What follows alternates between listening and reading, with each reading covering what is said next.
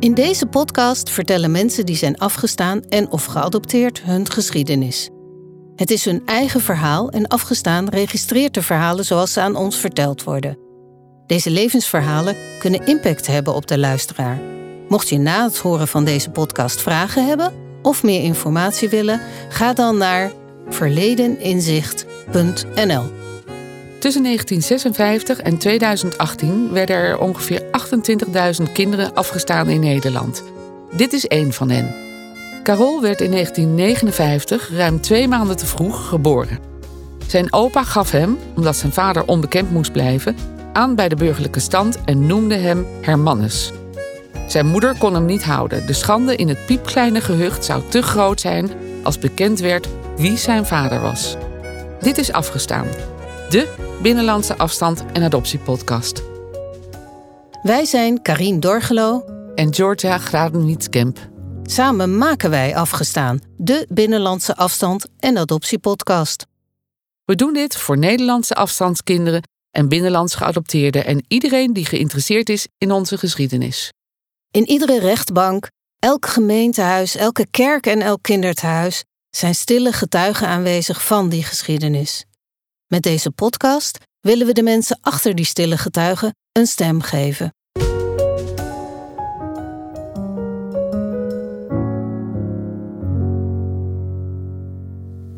Vandaag zijn we bij Carol en ehm, het is hier heel gezellig. Georgia en ik zitten aan de tafel in de zon. Eh, Carol zit tegenover ons. Maar ze zijn in de straat eh, glasvezel aan het aanleggen. Dus als je op de achtergrond een vage brom hoort, dan is dat de verklaring. We gaan hem eruit proberen te krijgen, maar ik weet niet of het lukt. Mijn naam is Carol van Kesteren. Ik ben geboren als Hermannes Leverink in Enschede. En eh, bij mijn adoptie verhuisd naar Brabant. En daar heel mijn leven verder gewoond. In Vught en later in Bokstel. En dat bevalt eh, uitstekend, moet ik zeggen. Ik, ik ben opgegroeid in Vught. Daar heb ik eigenlijk vanaf eh, februari 1960 gewoond. Tot en met mijn 23ste jaar. En toen ben ik op kamers gegaan.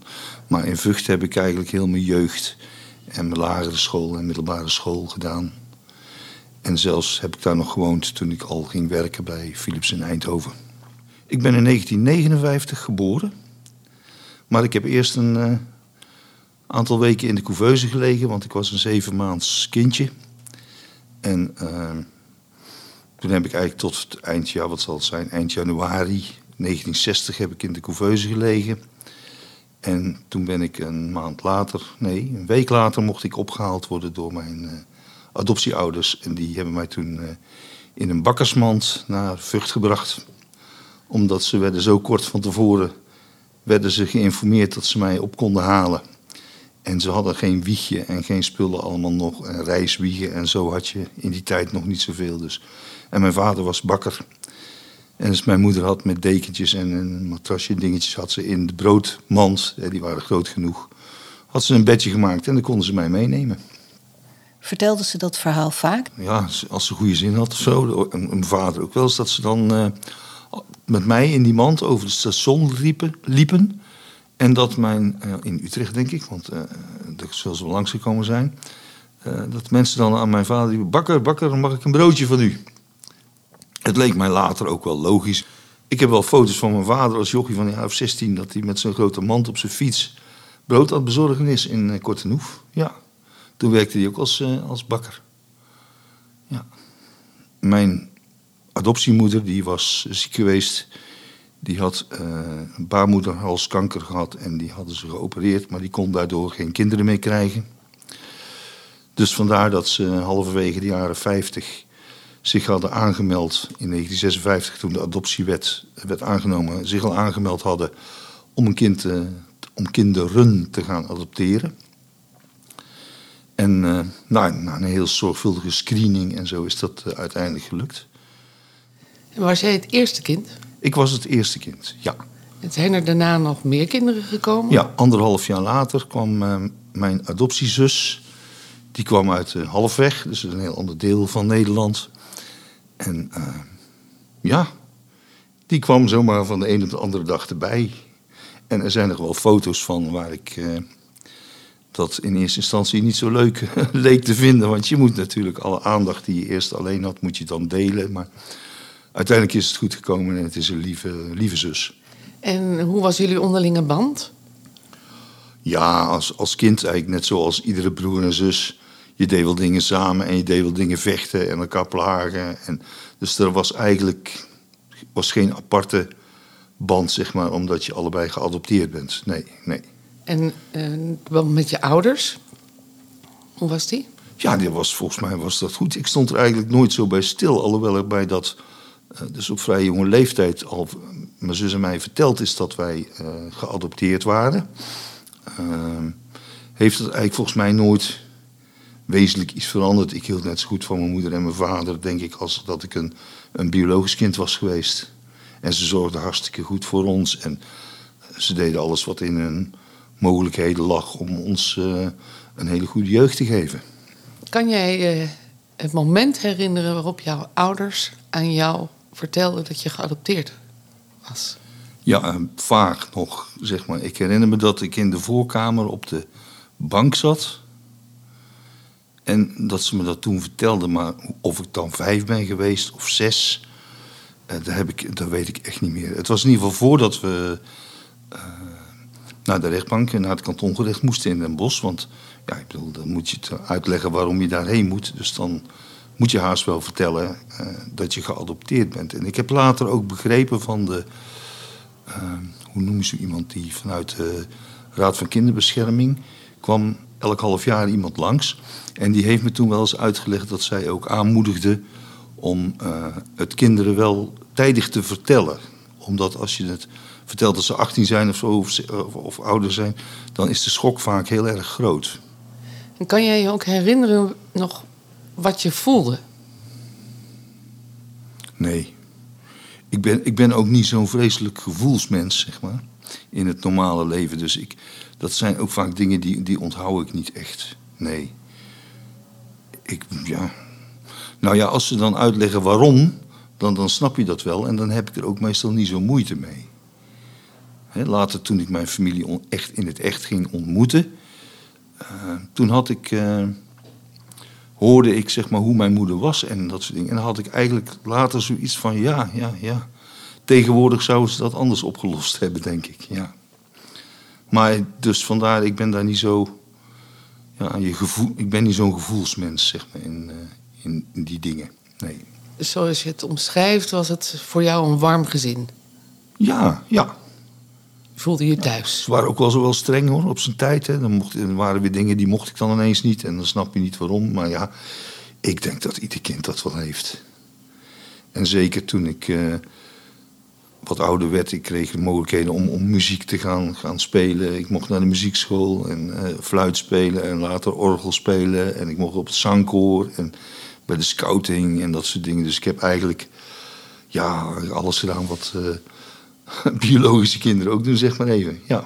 Je zei net, uh, je was vrij jong toen je te horen kreeg, of misschien onbewust, uh, dat je geadopteerd was. Ben je daar veel mee bezig geweest in je jeugd? Nee, niet, niet, niet meer. Echt heel veel of zo. Niet dat je er dagelijks mee, mee rondloopt. Of, of uh, je, het, je weet het wel. En uh, als je het ergens niet mee eens bent, dan uh, is het ook wel eens makkelijk om dan te denken van ja, ja, dat kun je nou zeggen, maar jullie zijn eigenlijk toch niet mijn echte ouders. Dus je hebt wel wat meer afstand, zeg maar. In die zin uh, kun je nemen als je het ergens niet mee eens bent. Maar ik kan me niet herinneren dat ik daar ooit iets over geroepen heb of, of ondankbaar ben geweest of zo. Want ja, je bent, je bent natuurlijk heel dankbaar, want er werd ook gewoon verteld: ja, jouw moeder kan niet voor jou zorgen. Dus dan had je in, in een weeshuis terechtgekomen en zo. En dan, ja, dan was je leven vast niet zo leuk geweest als nu. Dus er was, uh, ja, er was weinig keus eigenlijk, zeg maar. Ja. En werd er open over gesproken bij jullie in het gezin? Ja, bij ons in het gezin wel. Ja. Mijn moeder had nog een zus, die had dezelfde aandoening gehad. En die had ook twee kinderen geadopteerd, twee meisjes. Dus ook binnen de familie was het uh, genoegzaam bekend. Mijn moeder komt uit een gezin van twaalf kinderen en mijn vader uit een gezin van elf. Dus het was bij een, een groot aantal van die mensen was dat wel uh, bekend. Ja, ze weten natuurlijk, die kennen hun al lang en ze weten dat mijn moeder niet in verwachting is geweest. Dus dan is uh, 1 en 1 2. en had jij als kind ehm, vragen? Vroeg je je af, ehm, wie is mijn biologische moeder, wie is mijn vader? Ja, dat, die vragen heb je dan wel. Hè? Maar je bent niet. Uh, ja, ze, er werd altijd verteld dat hij ver weg woonde. En dat blijkt dus ook inderdaad zo te zijn. Ik bedoel, van Vught naar Enschede is toch uh, bijna twee uur met de auto. En toen de tijd was dat natuurlijk nog veel verder. Maar uh, eigenlijk pas toen ik ging trouwen, kreeg ik mijn adoptiepapieren en mijn geboortekaartje en dat soort ingevers van de burgerlijke stand. En daar stond dus in uh, hoe, mijn, hoe mijn moeder heette. En uh, of, ja, ik kreeg dat toen ik 18 werd. En uh, ja, vanaf die tijd wist ik dus gewoon wie ze was en kon ik in telefoonboek opzoeken waar ze woonde, bij spreken. Ik wist dat ik in Enschede geboren was, dus dan ga je maar zoeken en dan heb je dat in principe uit. Had ik dat redelijk snel gevonden, maar ik heb nooit gebeld. Nee. En de vader, die, uh, ja, die was onbekend. Dat is heel vaak hè. Binnen, binnen adopties, is dat uh, de moeder in die tijd ongewenst zwanger was.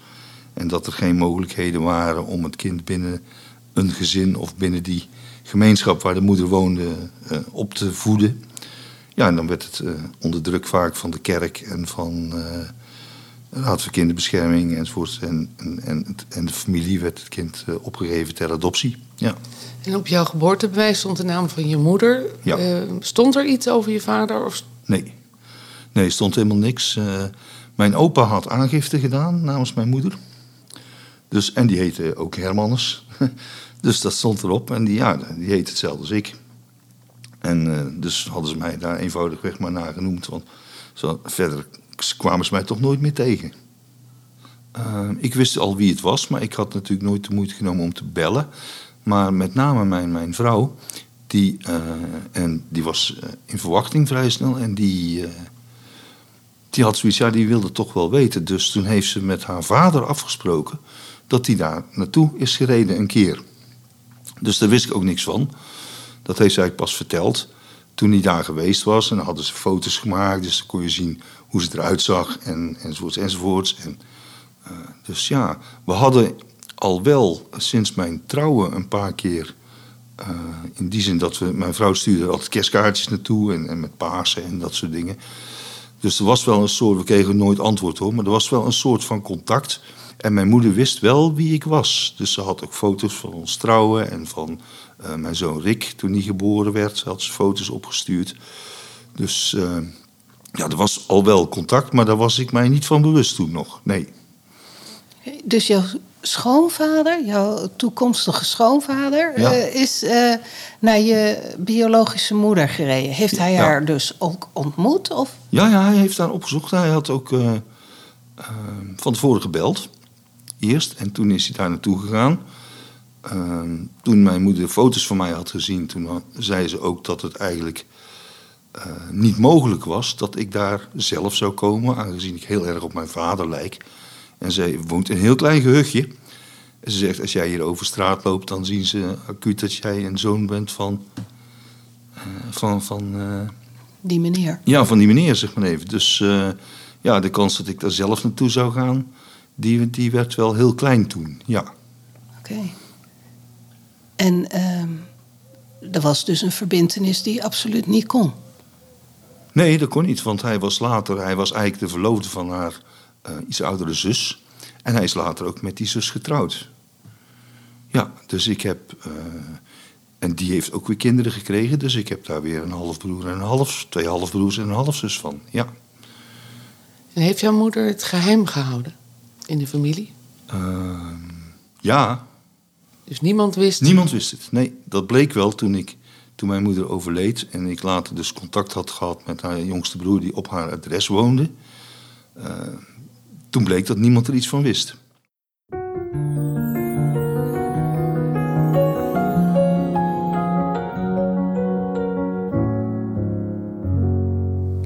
het verhaal van waarom je ouders, uh, of je moeder je heeft afgestaan, kun je dat uh, aan ons vertellen? Dus uh, hoe ja. is ze zwanger geraakt en een beetje haar levensomstandigheden, wat je zelf wist? Ja, ze wonen nog met een deel van het gezin op, op de boerderij in Sint-Isidorushoeve. En daar zorgde mijn moeder eigenlijk voor, voor het gezin.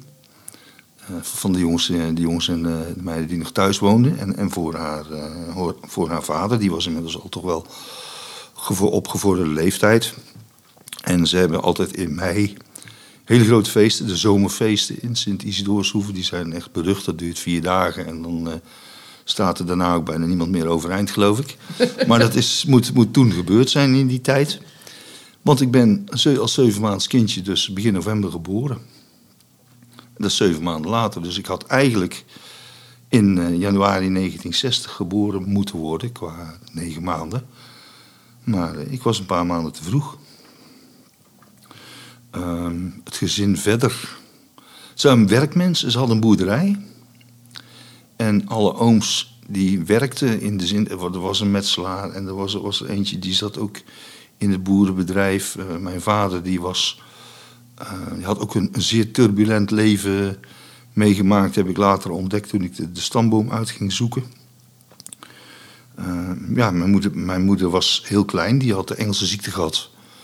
En die had daardoor uh, ja, wat lichamelijke beperkingen, maar daaronder was ze was nog geen 1,45 meter hoog. Dus uh, ja, dat was wel heel, heel knap dat ze mij toch nog zo'n tijd bij zich heeft kunnen houden. Maar ja, het, was een klein gehucht. En ik kon niet als een, als, als een nakomertje van, van oma meer worden beschouwd. Dat is met een oudere broer van mij nog wel gebeurd. Die was ook buitenechtelijk. Maar nee, dus. En de kerk en, en, en de gemeenschap daar, die was zo klein. Er wonen een paar honderd mensen en iedereen kent elkaar. Uh, ze, had, ze had mij nooit kunnen houden, zeg maar in die zin. En haar mijzelf opvoeden. Dus voordat jij ze zwanger was van jou, heeft ze nog een keer een kind gekregen? Nee, ja, zus.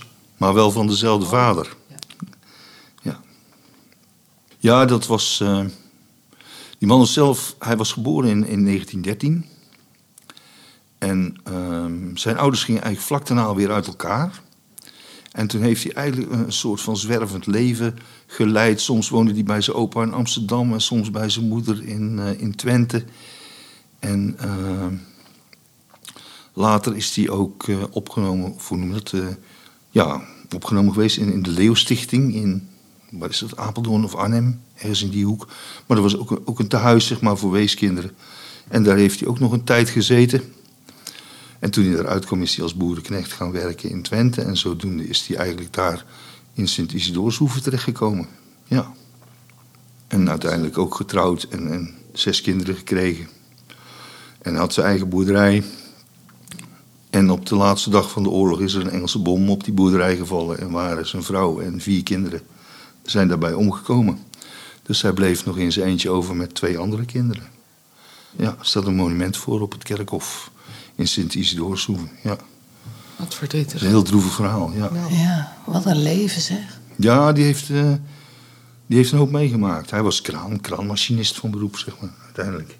En alle, alle mensen in dat gezin, die zijn nu nog, de, de kleinkinderen ook, zijn, zijn vrachtwagenchauffeurs en Harde mensen, werkers. mensen die werken. Ja, zeg maar, niet geen denkers. Um, ik wil even met jou terug naar het moment, um, jouw toekomstige schoonvader gaat, uh, rijdt naar het adres van jouw moeder. En je zei net, uh, hij heeft wat foto's gemaakt. En hij komt terug. En jij ziet de foto's. Wat ja, zag je? Dat was, wel, uh, dat was wel een moment, zeg maar even. En uh, ja, dan ben je wel ontroerd hoor, dat, dat wel. Ja, zeker ook. Maar het was echt zo'n, ja, zo'n, net als iemand als, als mijn tantes. Zeg maar, ook zo'n vrouwtje met wit haar. En die zit dan in, in een huisje, dus helemaal netjes aan de kant. En nette meubeltjes. En alles ziet er, ziet er schoon en mooi uit.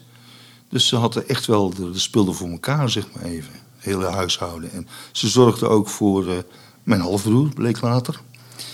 Die, uh, die was bij haar in huis komen wonen nadat Eh, haar vader was overleden. Dus, en die had ook, toch ook wel wat, wat hulp nodig.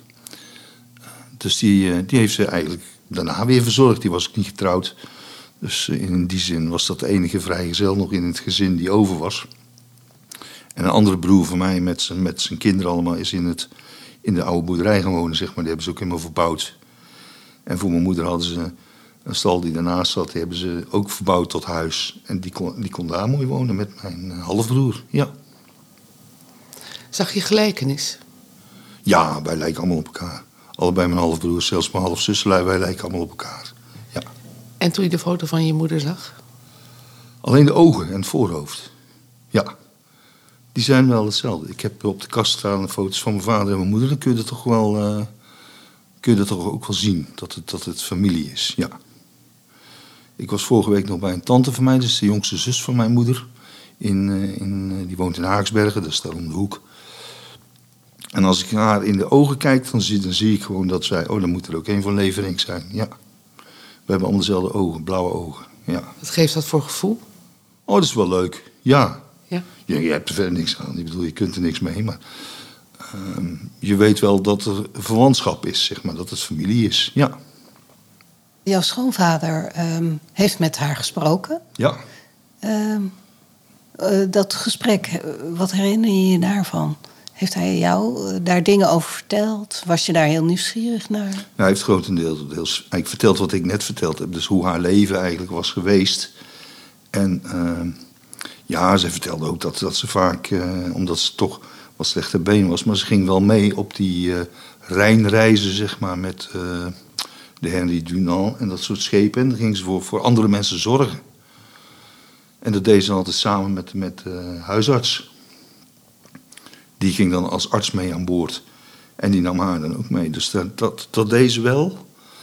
En uh, ja, ze heeft eigenlijk ook een beetje verteld hoe haar, hoe haar leven was. Dus wat ik net vertelde, dat ze voor, voor uh, de, mijn broer gezorgd heeft. En uh, ja, ze kon, ze kon natuurlijk niet, niet heel ver weg. Of ze was niet mobiel, ze kon geen auto rijden of dat soort dingen. Dat, dat had je toen nog niet, nee. Heeft ze na dat jij geboren bent nog een, een, een, nieuwe relatie gekregen? Is ze getrouwd? Heeft ze nog meer kinderen gekregen?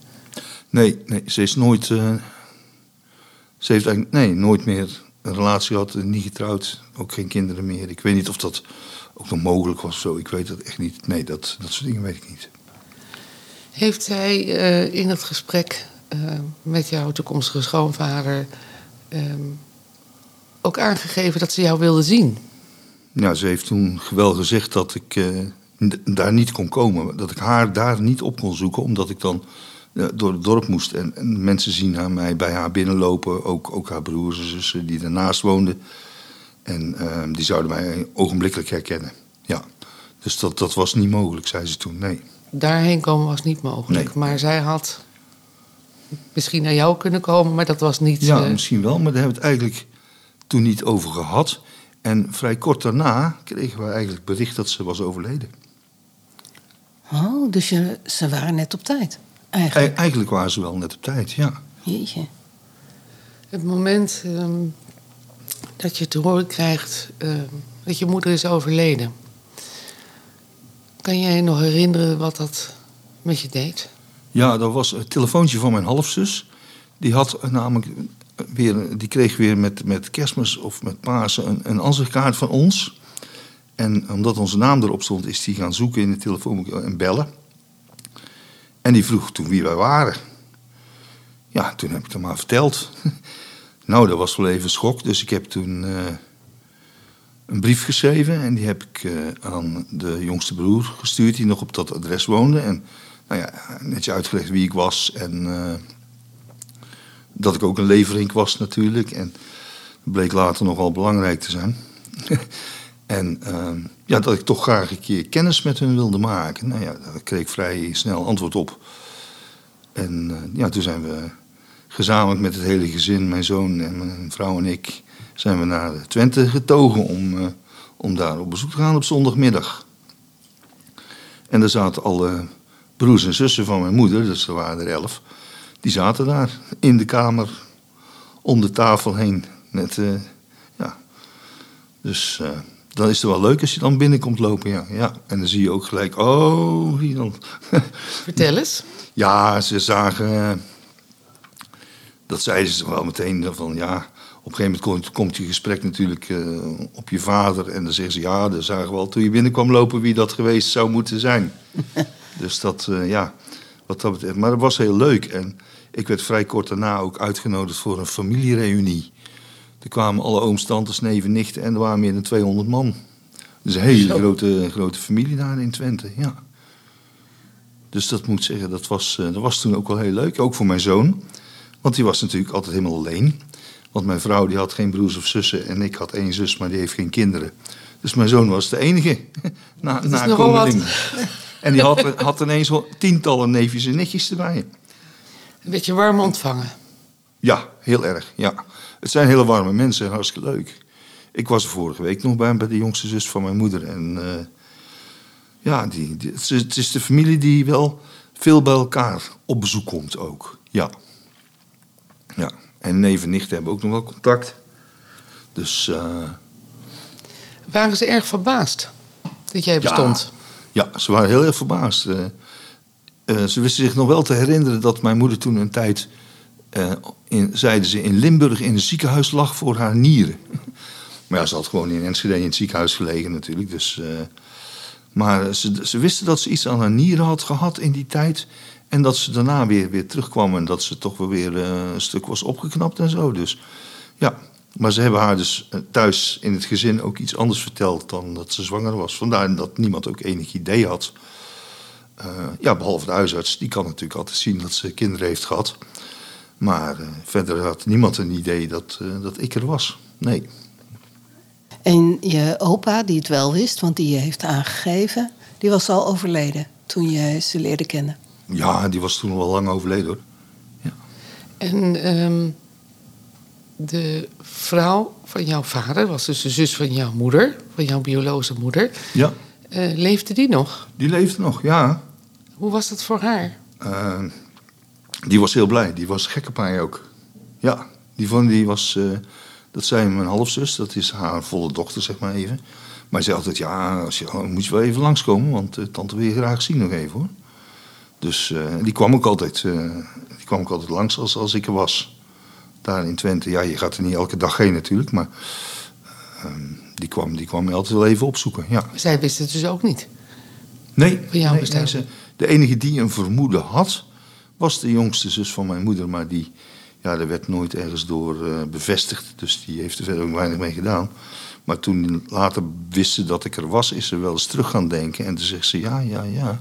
Ik heb wel eens iets gehoord. Want die sliepen in de kamer daarnaast of zo, ja.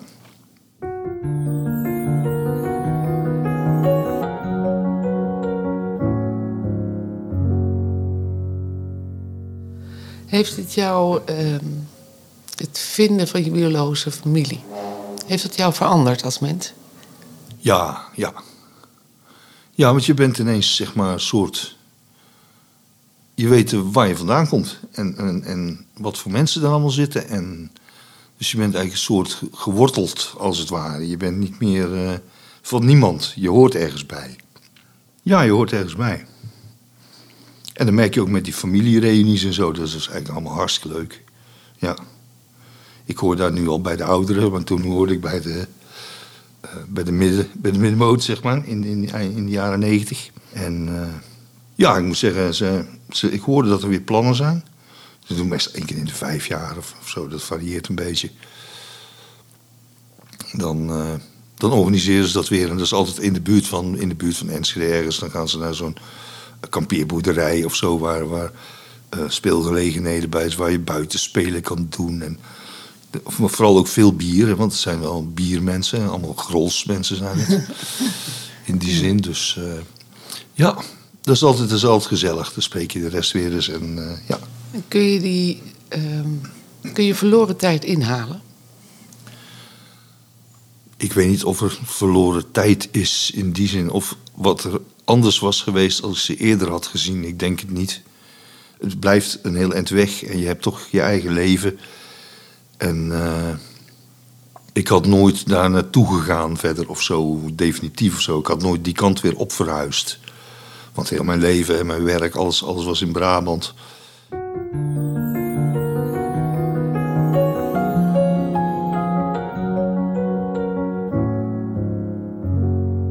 Als ik aan jou vraag, wat is de invloed van het afgestaan zijn op jouw leven? Dan zeg ik dat is een moeilijke vraag. Wat betekent afgestaan zijn? Als kind had ik altijd het idee, oh ja, mijn, mijn moeder houdt niet van me. Of uh, als, als kleinkind, heel kleinkind zeg maar. En ik moet zeggen dat het later wel wat rust heeft gebracht. Dat je weet dat, dat het gewoon in zo'n omgeving echt niet had gekund.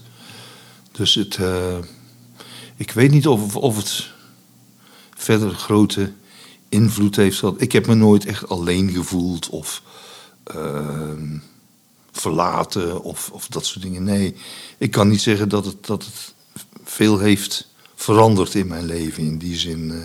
Je spreekt heel liefdevol over je moeder. Ja, het was best een mooie vrouw. Ik heb hier uh, achter me staat een foto uh, van haar op de kast. We zo even naar kijken. En ja, met haar vader ook staan samen in een lijstje. Ja. Dat is ook waarschijnlijk de enige keer in hun leven dat ze samen ja, in een lijstje staan. Pak hem er eens bij en Ja. beschrijf hem Ja. eens. Carol gaat even de foto halen. Is het jouw biologische moeder en jouw biologische vader? Ja, Wat bijzonder. Heel mooi. Samen in een lijstje, een dubbellijst. ja dat klopt. Ja. Een portret van een... eh, En daar zie je dus dat onze voorhoofden en ogen Ja. lijken best wel op elkaar. Zeker. En mond ook. Je bent een mooie mix, inderdaad. Ja, je bent een hele mooie mix. Ja. Ja, ja, Mijn broer, halfbroer, lijkt veel meer op mijn vader. En die kijkt ook donker. Ik ben, als ik nadenk, dan kijken we, zeggen we mensen wel eens, ben je kwaad? Maar eh, dat is niet zo. Dan kijk ik zo, als van mijn gezicht heel rustig, kijk ik donker. ja. Maar mijn broer heeft dat nog veel meer. Ja. En beschrijf jij eens wat je ziet? Ik, ik zie wel toch wel een beetje een, een pijnzende jonge dame van in de twintig, schat ik zo. Ehm, en in donkere kleren.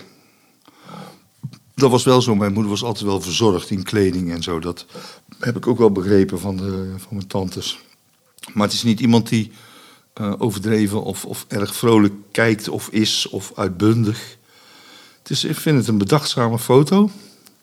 Ja, ik denk een, een vrouw die in haar jeugd, dus door haar ziekte, wel, wel veel heeft meegemaakt en, en, ook moeten lijden waarschijnlijk. En toen ze ouder was eh, en daardoor dus ook waarschijnlijk niet aan, een man is kunnen komen, zeg maar eventjes, in, in, in die sferen. Ze is eind jaren twintig geboren. Dus ze was 16 toen het oorlog, 11 toen het oorlog werd. Dus kreeg je die oorlogsjaren er doorheen. Nou, dan krijg je dat het, eh, het gezin eh, eh, daar ook mee moet leren leven. Een, een, eh, een, een ander, een klein broertje van haar is toen ook door, door de spelen met een handgranaat om het leven gekomen, dacht ik. Dus er zijn, er zijn heel veel ellende gebeurd. En ja, doordat ze helemaal klein bleef en, en ja, een, een beetje gehandicapt was, had ook een bocheltje en zo. En ja, dan. Je, ziet gewoon aankomen dat hij de rest van haar leven alleen is. En dat ze dan toch eh, voor, voor haar vader blijft zorgen. En later voor, voor mijn halfbroer. Waarvan zij overigens dacht dat het haar broer was. Want dat wist ze ook niet. Maar ja, die heeft gewoon, gewoon een- ook geen makkelijk leven gehad. Het lijkt wel of bijna niemand een makkelijk leven had, behalve ik. Daar kwam het eigenlijk wel een beetje op neer, zeg maar. Als je dit, eh, als je dit verhaal zo hoort. Ja.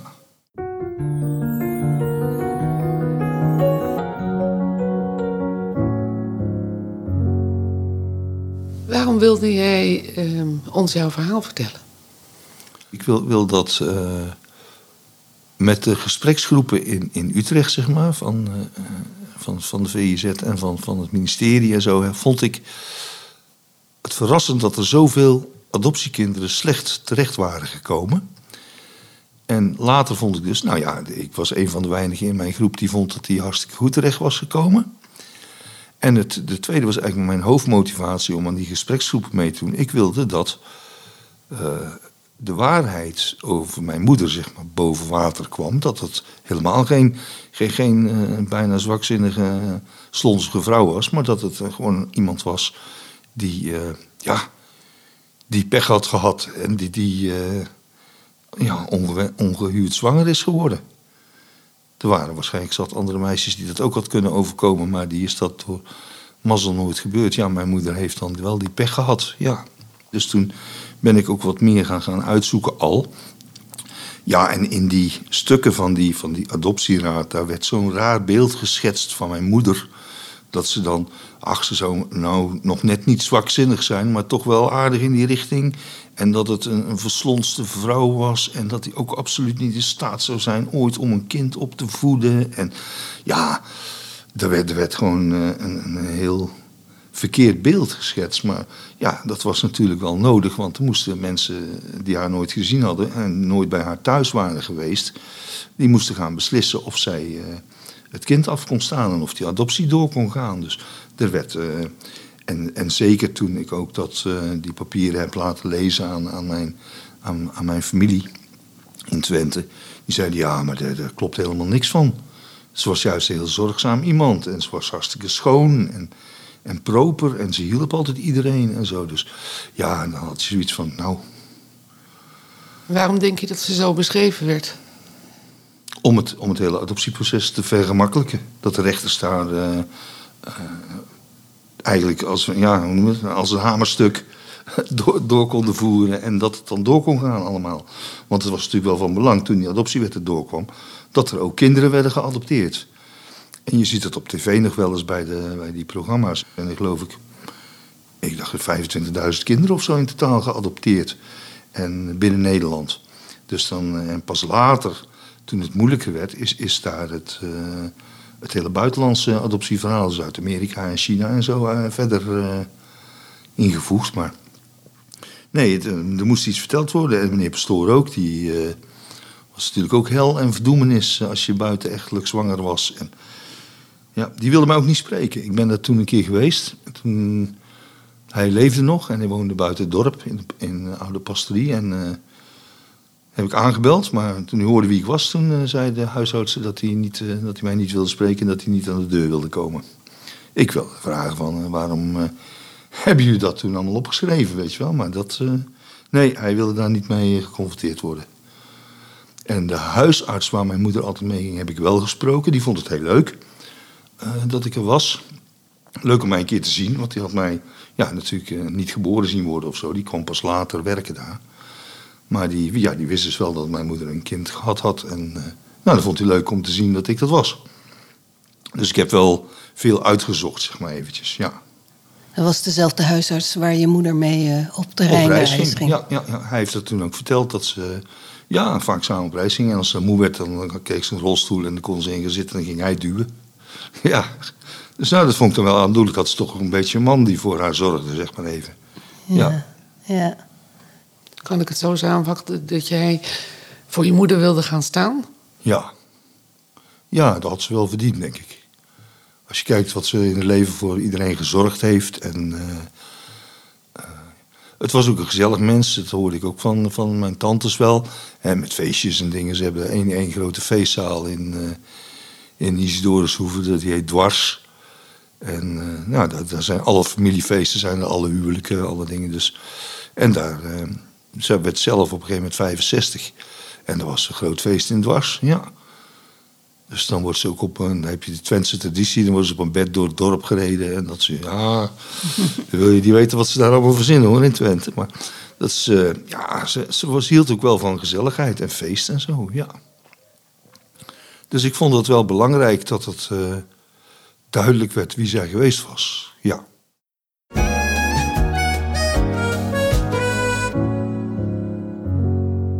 Je zei heel mooi, um, weet je, geloof niet alles wat je leest en ga zelf op onderzoek uit. Nou wordt er op dit moment onderzoek gedaan.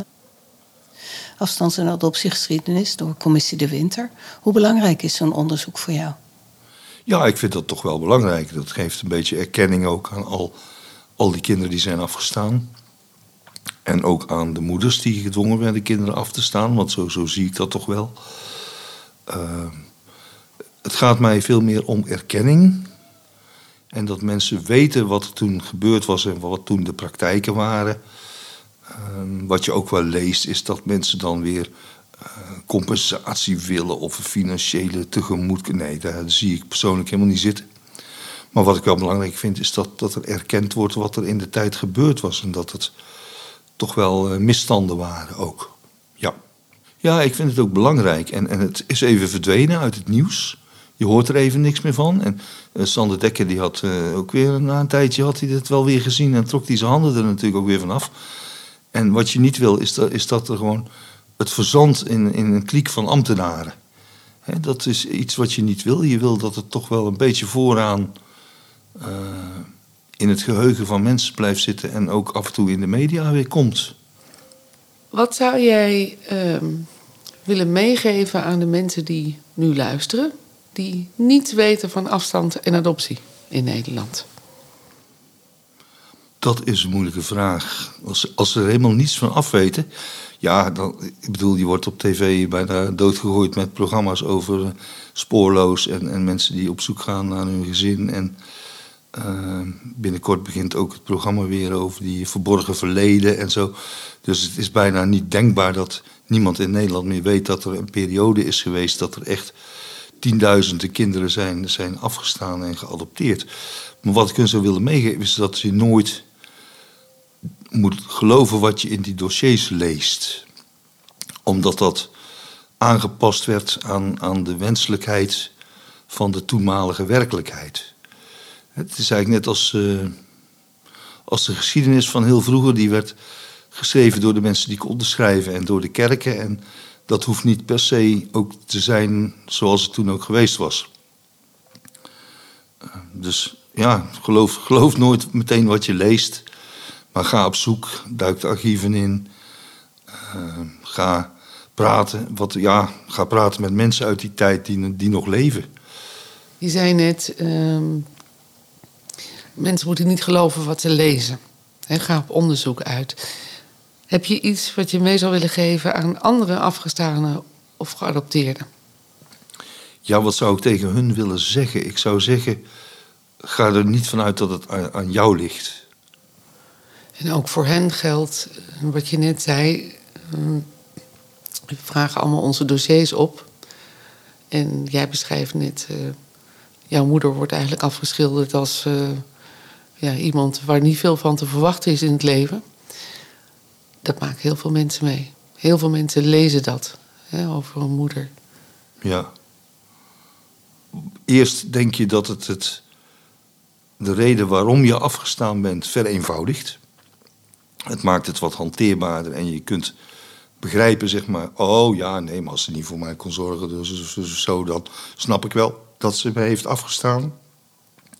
Als je later leert dat het door de sociale druk komt en door de omgeving en dat soort dingen, dan denk je van ja, nou, misschien had ze toch wel uh, liever gehad dat ik bleef, maar kon dat gewoon ook niet. Dus ja, dat, dat zijn. Uh, allebei kun je wel, wel mee leven, vind ik hoor. Heb jij je wel eens afgevraagd hoe het zou zijn geweest als je bij je moeder was gebleven? Ja, dat, dat, dat, dat, dat wel. Dat zei ik straks. Ik denk dat ik het nooit zo goed had gehad als, uh, als nu. Als, als ik het nu gehad heb bij mijn ouders in Vught. Ik denk niet, niet dat, dat, in dat dorp zeker niet zo. Uh, um, dat, dat, dat dat zo gezellig was geweest. Ik had misschien met. Nee, je was een nakomertje geweest. dus ik weet niet of er ik heb geen zicht of er in veel kinderen in, in, eh, in de jaren, begin jaren 60 daar geboren zijn. Waar, waar je wat dan had gehad. Ik had er echt. Uh, man, wij waren af en toe met, met, met 20, 30 kinderen waren wij bij ons op straat buiten aan het spelen tegelijkertijd. En er was, was een voetbalveld vlakbij en een bos voor de deur.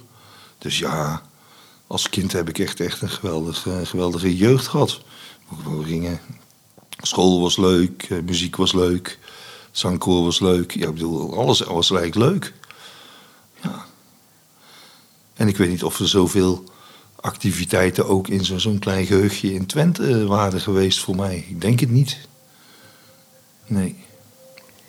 Helemaal in het begin van het gesprek zei je van... Uh, ik ontdekte later dat ze tegenwoordig anders hadden moeten regelen. Uh, heb jij daar ideeën over? Hoe ze het anders hadden moeten regelen? Ik denk dat ze als ze had gekund wel graag voor mij had willen zorgen. Want ze was, was een heel zorgzaam mens. Ze zorgde voor het hele gezin. Maar en tegenwoordig is dat veel makkelijker om als vrouw alleen een kind op te voeden. Maar toen de tijd was dat in zo'n kleine gemeenschap was dat absoluut uh, onmogelijk.